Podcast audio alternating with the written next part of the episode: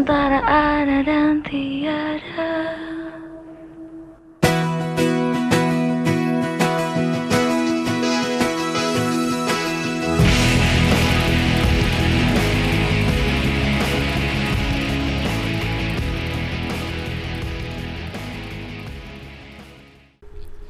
Ostenium, dear dearly, sincerely, still okay is coming to Ostenium. Selamat malam Ostenian sekalian. Senang rasanya Kapela berjumpa sama kalian selama satu jam ke depan. Gimana harinya? Senang atau malah sedih? Jangan dong ya. Kita senang-senang aja di sini. Semoga sesi ini bisa kembaliin mood kamu biar lebih happy. Dengan edisi pertama Kamis malam kita, Nightmare Edition, di mana Ostenian semua bisa submit cerita dan karya yang akan kita tampilkan malam ini. Sebelum sesi ini dimulai, Kapela mau ingetin nih, buat semua yang dengerin, jangan lupa untuk berdoa sesuai agama dan kepercayaannya masing-masing ya. Jangan bersugesti negatif juga, oke? Okay? Kita dengerin sambil asik aja. Nah, kalau nanti ada hawa-hawa yang kurang enak, bisa minum air putih ya. Stay hydrate pokoknya. Oke, kalau gitu langsung aja kita dengerin karya pertama dari Constellations Name, Pilo Membiru.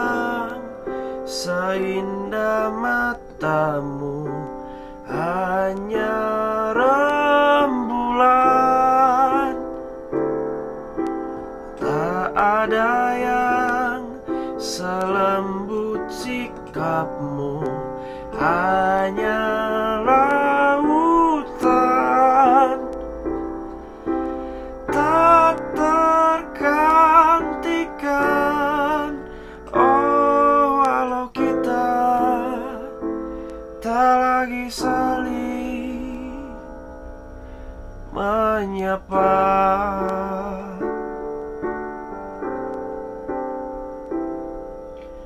Akhirnya aku lihat lagi. Akhirnya aku temui. Oh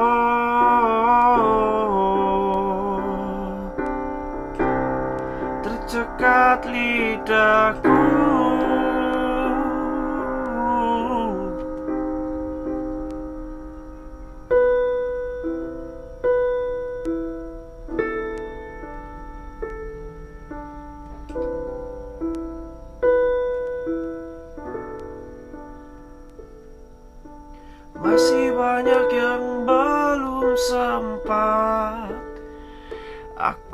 katakan padamu Masih banyak yang belum sempat Aku sampaikan padamu Masih banyak yang belum sempat Aku katakan padamu. Masih banyak yang belum sempat. Aku sampaikan padamu. Tak ada yang seindah mata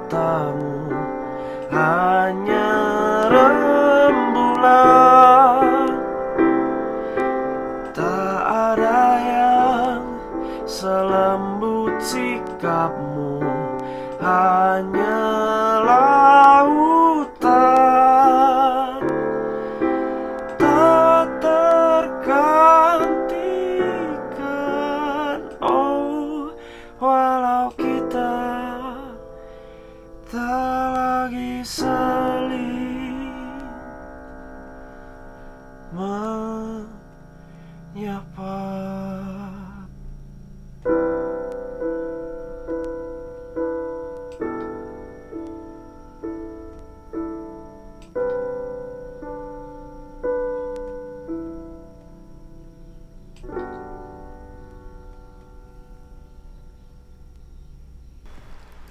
Itu dia Pilu Membiru dari Constellations Name. Gimana guys suaranya? Cocok banget untuk membuka sesi cerita kita malam ini yang dibuka dari ceritanya Head Kinonim yang menceritakan pengalamannya bersama The Mischievous Boy. Lelah, pusing, muak. Tiga kata yang cukup mendeskripsikan kehidupan kelas 12 yang mulai dikejar realita kehidupan. Ekspektasi dan dukungan yang diterima sangat tidak seimbang, membuat gue ingin menjerit dan berhenti memenuhi itu semua. Sayangnya, gue masih cukup sadar diri. Gue harus lolos di checkpoint kehidupan ini sebelum bisa menentukan langkah-langkah berikutnya. Salah langkah, semua rencana gue yang sudah disusun sedemikian rupa akan hancur lebur. Tapi, nggak ada salahnya untuk beristirahat sebentar. Jadi, begitu jam sudah menunjukkan pukul 10 malam, gue menutup buku paket salah satu mata pelajaran utama jurusan gue. Terlalu pusing untuk lanjut belajar, namun masih terlalu segar untuk segera tidur. Gue nggak mungkin kan keluar untuk jalan-jalan santai di sekitar kompleks. Nggak mungkin juga untuk main alat musik tanpa dimarahi orang tua gue karena akan mengganggu tetangga. Satu-satunya short escape yang gue punya hanyalah buku. Ah iya, jadi ingat kalau gue baru beli novel baru. Tanpa berpikir dua kali, gue mengambil buku bersampul coklat dengan gambar anak laki-laki yang menatap Rolls. Peter. Judul buku itu mempresentasikan nama si anak yang terpampang di sampul. Cerita anak Belanda itu sangat terkenal akhir-akhir ini, membuat gue tergoda untuk membaca buku tentang dia. Gue membaca buku itu di atas kasur, menyelami kisah Peter dan ikut bersimpati atas nasibnya. Sesekali rambut halus di badan gue berdiri, tapi itu nggak cukup buat menghentikan gue menyelesaikan satu buku sebelum tidur. Sampai satu kalimat dari si penulis membuat gue penasaran. Dia bilang, kita bisa memanggil Peter untuk menghibur kita, meskipun gak langsung datang. Tapi bocah itu akan datang. Gue diam selama beberapa saat, mencermati kalimat itu berulang kali. Memikirkan apakah gue harus mendengarkan sisi angel gue atau sisi devil gue. Butuh waktu cukup lama sampai akhirnya gue memutuskan if curiosity really kills the cat, then I definitely have the last wish. Iya, gue memilih untuk memenuhi rasa ingin tahu gue. Setelah membulatkan tekad, gue memejamkan mata sejenak sebelum mengucapkan keras-keras dalam hati. Peter, kalau kamu memang ada, tolong datang dan hibur aku. Nggak harus sekarang, sebisa kamu aja. Aku butuh pelukan. Seolah semesta mendengar permintaan non-verbal itu, suasana di depan rumah mendadak sepi. Suara jangkrik, burung, dan kucing yang sebelumnya masih bersaut-sautan berganti dengan keheningan total yang sangat dingin dan mencekam. Rambut halus di badan gue seketika berdiri semua. Buru-buru gue taruh novel di meja belajar, mematikan lampu, lalu menarik selimut sampai menutup kepala. Gue memposisikan diri menghadap tembok, memunggungi jendela yang bisa saja sewaktu-waktu memunculkan bayangan berbagai makhluk yang tidak ingin gue lihat. Siapa juga yang mau melihat wujud manusia atau sejenisnya dari lantai dua tanpa balkon?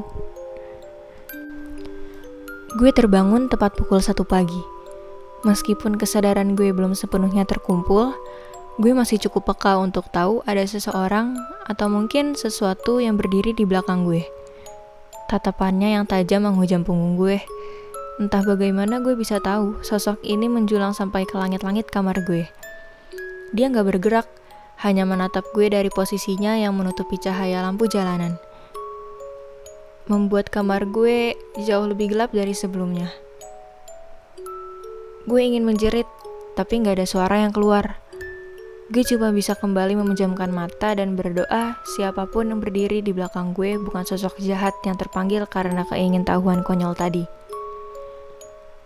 Entah gue sempat tertidur atau bagaimana, yang gue tahu, gue sempat kehilangan kesadaran untuk beberapa saat. Badan gue masih gak bergerak, tapi gue masih bisa merasakan ada yang memeluk gue. Tunggu, ini gue gak berhalusinasi kan? Gue mengerjapkan mata beberapa kali, mencoba mengatur nafas sebelum mulai mencerna apa yang sebenarnya sedang terjadi. Gue ingat, tadi ada sosok dengan aura kelam berdiri memerhatikan gue tidur. Tapi sosok besar itu gak seperti yang sekarang memeluk gue. Sosok yang memeluk gue memiliki perawakan yang tidak beda jauh dari gue. Enggak memiliki bau khas, dan tangannya yang memeluk pinggang gue kurus seperti tangan anak-anak. Bersugesti kalau ada yang memeluk gue adalah mamah yang jelas tidak mungkin. Gue hafal sensasi setiap dipeluk atau memeluk keluarga gue. Dan di rumah ini jelas nggak ada yang memiliki postur seperti sosok yang memeluk gue sekarang. Pikiran gue kembali ke sosok yang sebelumnya berdiri di belakang gue.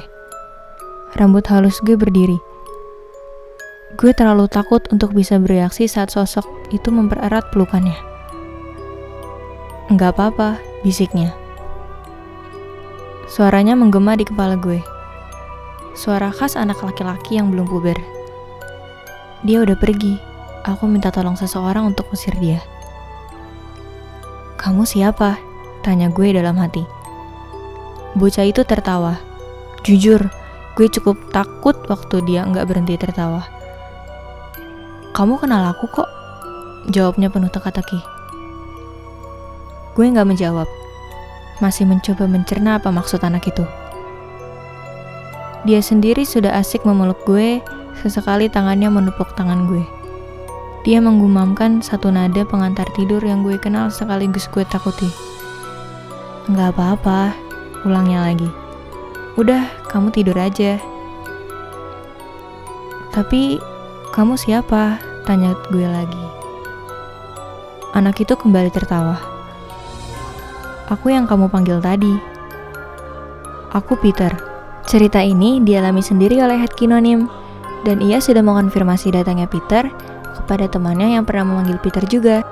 Kita disarankan untuk tidak memaksakan memanggil Peter atau temannya yang lain ya, karena bisa jadi yang datang justru sosok jahat, seperti yang pertama datang kepada Head Kinonim sebelum diusir Peter.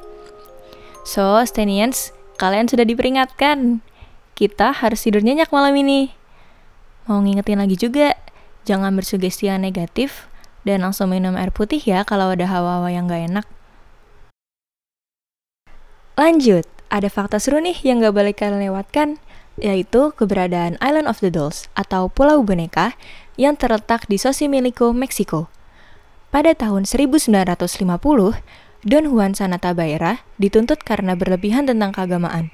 Setelah itu, untuk alasan yang tidak jelas, Juan meninggalkan istri dan anaknya dan pulang ke pulau ini, di kanal Xochimilco di pinggiran kota Meksiko. Juan mengaksikan diri, namun kemudian ia menemukan tubuh anak perempuan tenggelam di tepi pulau. Kabarnya, Juan dilanda kesedihan karena tidak dapat menolong sang anak. Mitosnya, setelah mayatnya ditemukan, keesokannya muncul sebuah boneka di tempat yang sama di mana ia tenggelam. Wan pikir itu adalah boneka milik sang gadis kecil dan menggantungkannya di pohon. Alasannya dia melakukan ini berbeda-beda, tergantung pada siapa kau bertanya. Ada yang berkata dia melakukan ini untuk menghormati jiwa sang anak. Namun, ada pula yang berkata ia menggantungkan agar terlindungi dari jiwa sang anak. Versi lainnya mengatakan ia melakukan ini untuk melindungi jiwa sang anak agar tidak dimakan iblis di akhirat. Apa pun alasannya, keberadaan mayat sang anak tidak pernah terkonfirmasi. Namun Huan tidak berhenti dengan satu boneka. Dia mulai menggantungkan boneka-boneka lain yang ia temukan di tepi kanal. Huan akan melubangi sisi kepala boneka dan menggantungkannya dengan seutas tali. 50 tahun, Huan melakukan ini terus-menerus, sampai suatu saat ia tiba-tiba saja berhenti. Keponakan Huan, Anastasio, datang untuk mengunjunginya.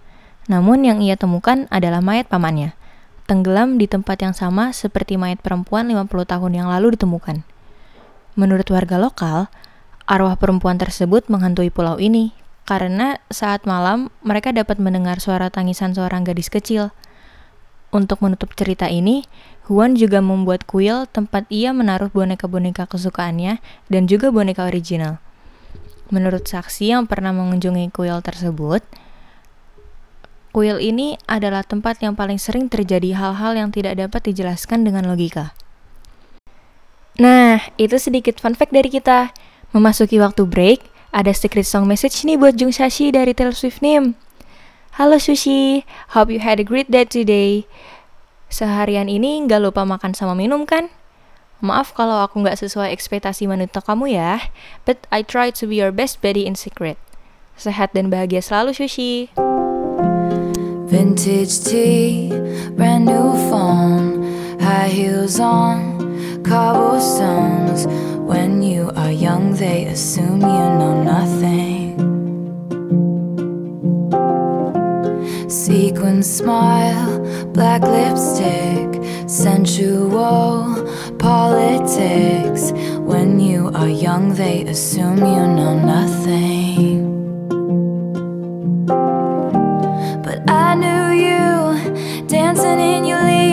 Drunk under a street light. I, I knew you, hand under my sweatshirt, baby, kiss it better. right. and when I felt like I was an old cardigan under someone's bed, you put me on and said I was your favorite. A friend to all is a friend to none. Chase two girls, lose the one. When you are young, they assume you know nothing. But I knew you playing hide and seek and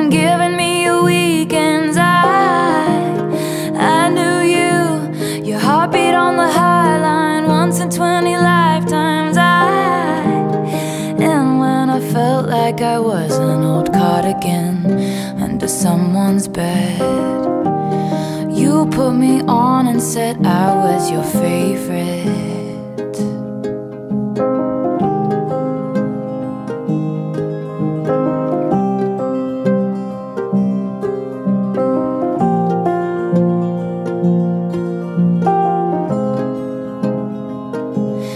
To kiss in cars and downtown bars was all we needed.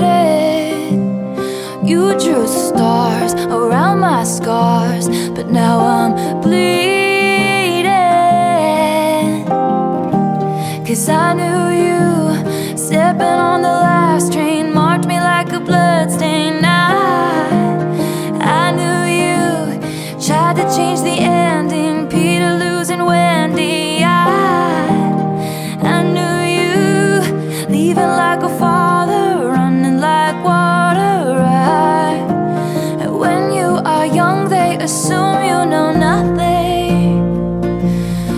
knew you'd linger like a tattoo kiss. I knew you'd haunt all over my what ifs. The smell of smoke would hang around this long. Cause I knew everything when I was young. I knew I'd curse you for the longest time. Chasing shadows in the grocery line. I knew you'd miss me once the thrill expired.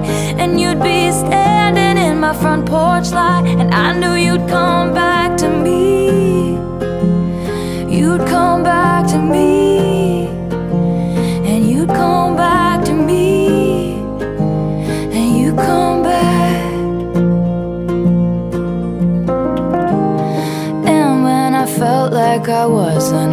again under someone's bed. You put me on and said I was your favorite. Cerita kedua malam ini dipersembahkan oleh Jenner Nim, mengenai pengalamannya menjadi seorang yang spesial. Hari itu hujan sangat deras di kota gue. Gue dan sahabat gue terpaksa pulang ke kosan menerobos hujan dengan menggunakan payung yang tidak bisa melindungi kami dari derasnya hujan. Kami sampai di kosan sahabat gue sekitar jam 8 malam. Ternyata sedang pemadaman listrik. Keadaan gelap, hujan deras, dan basah kuyup. Gue bergegas ke kamar kosan untuk membersihkan diri. Di dalam kamar mandi, gue mendengar suara tangisan seseorang yang begitu jelas. Awalnya gue kira sahabat gue yang nangis sambil telepon ibunya karena memang kami habis mendapat kabar buruk saat di kampus. Ternyata bukan dia. Oke, saat itu gue dan dia mengira mungkin kamar sebelah yang menangis.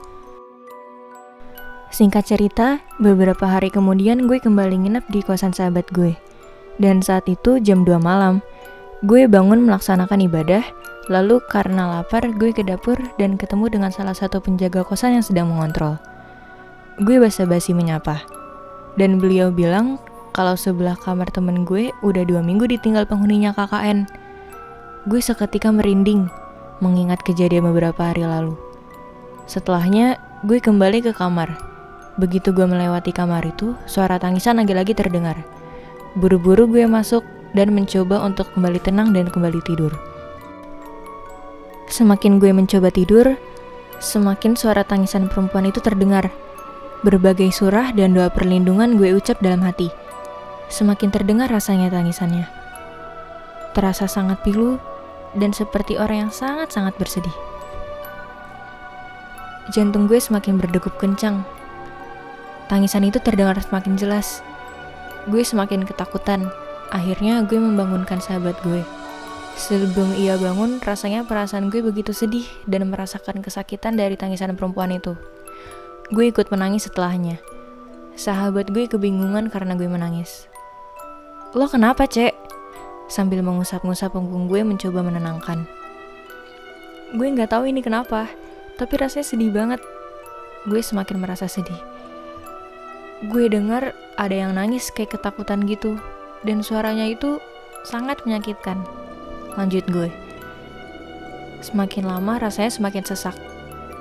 Tidak ada suara lain, hanya tangisan pilu seorang perempuan yang membuat gue ikut menangis pilu. Seakan-akan merasakan kesedihannya. Semakin panik sahabat gue saat tangisan gue semakin kencang. Dan beberapa saat kemudian, gue pingsan.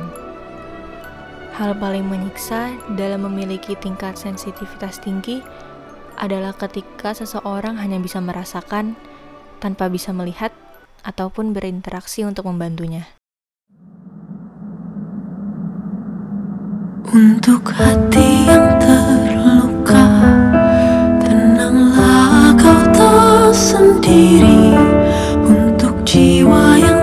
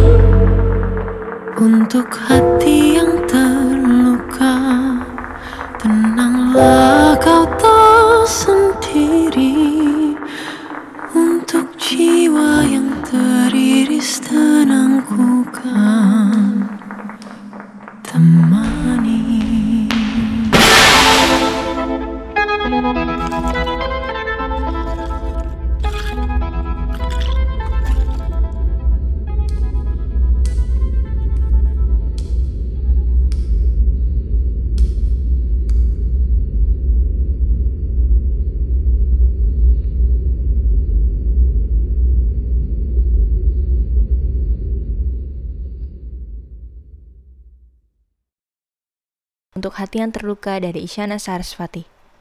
Guys, kalian tahu nggak sih?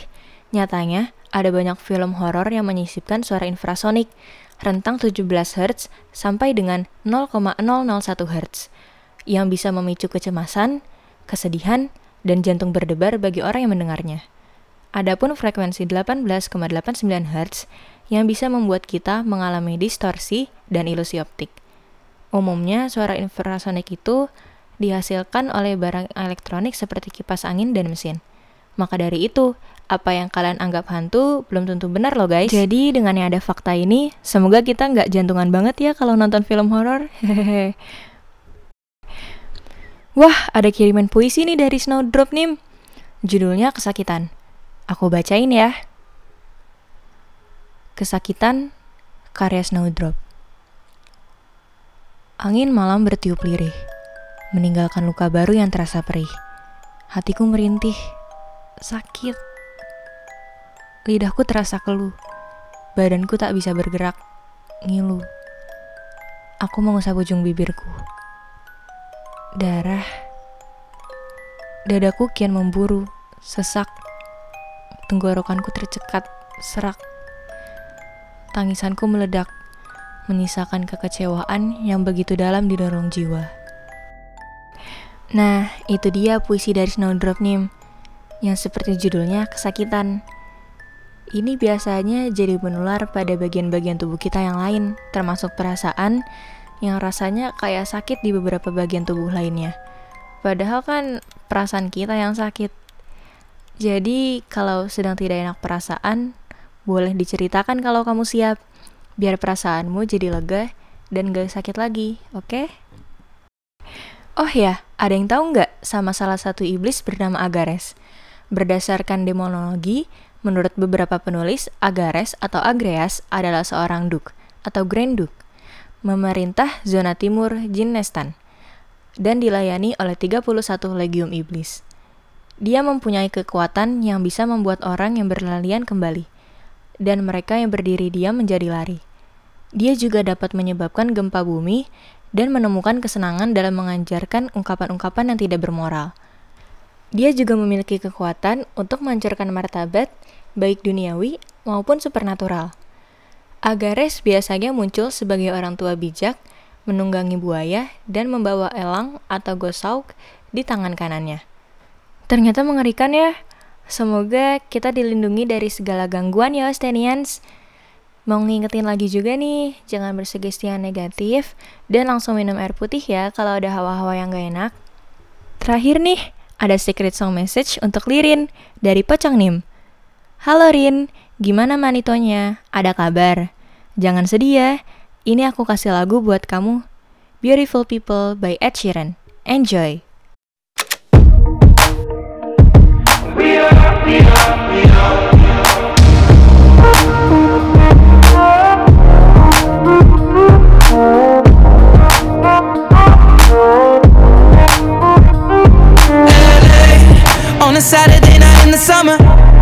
Sundown and they all come out. Lamborghinis and they rented hummus. The party's on, so they're heading downtown. Everybody's looking for a come up, and they wanna know what you're about. Me in the middle with the one I love it. We're just trying to figure everything out. We don't fit in well, cause we are just ourselves. I could use some help getting out of this conversation. Yeah, look stunning, dear. So don't ask that question here. This is my only fear that we become beautiful people. Top designer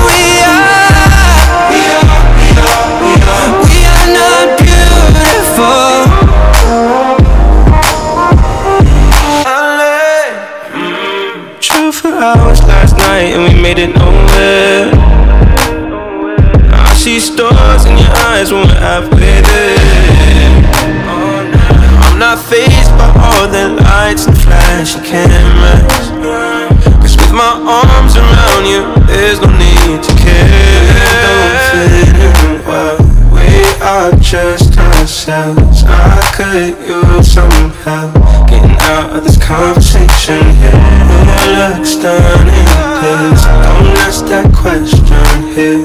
This is my only fear that we become. Beautiful people. Top designer clothes, front row fashion shows. What you do and who'd you know? Inside the world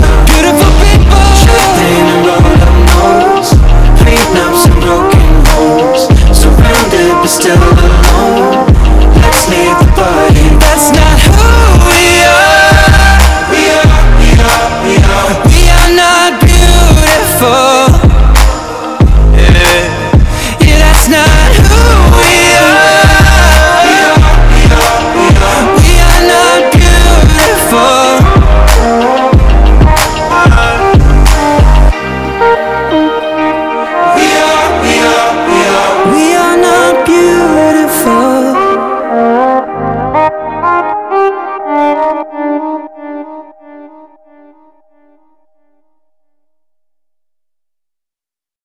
Wah, nggak kerasa ya, sudah satu jam berlalu bersama Kapela di Ostenium, Dear Dearly, Sincerely, Still Okay, sesi Nightmare. Setelah sesi ini berakhir, jangan lupa untuk berdoa kembali sesuai dengan agama dan kepercayaannya masing-masing ya. Jangan bersugesti yang negatif, dan langsung minum air putih kalau ada hawa-hawa yang gak enak. Ingat kan, kita harus tidur nyenyak malam ini. Eits, belum selesai nih. Kita ada trivia quiz loh. Yang tahu jawabannya bisa submit ke otsostenium@gmail.com dengan format ID dan nama. Kuisnya frekuensi berapakah yang sering digunakan untuk film horor?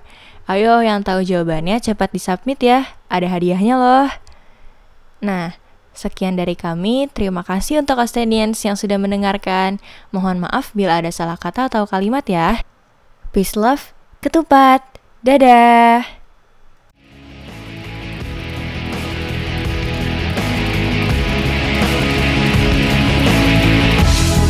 aku melihat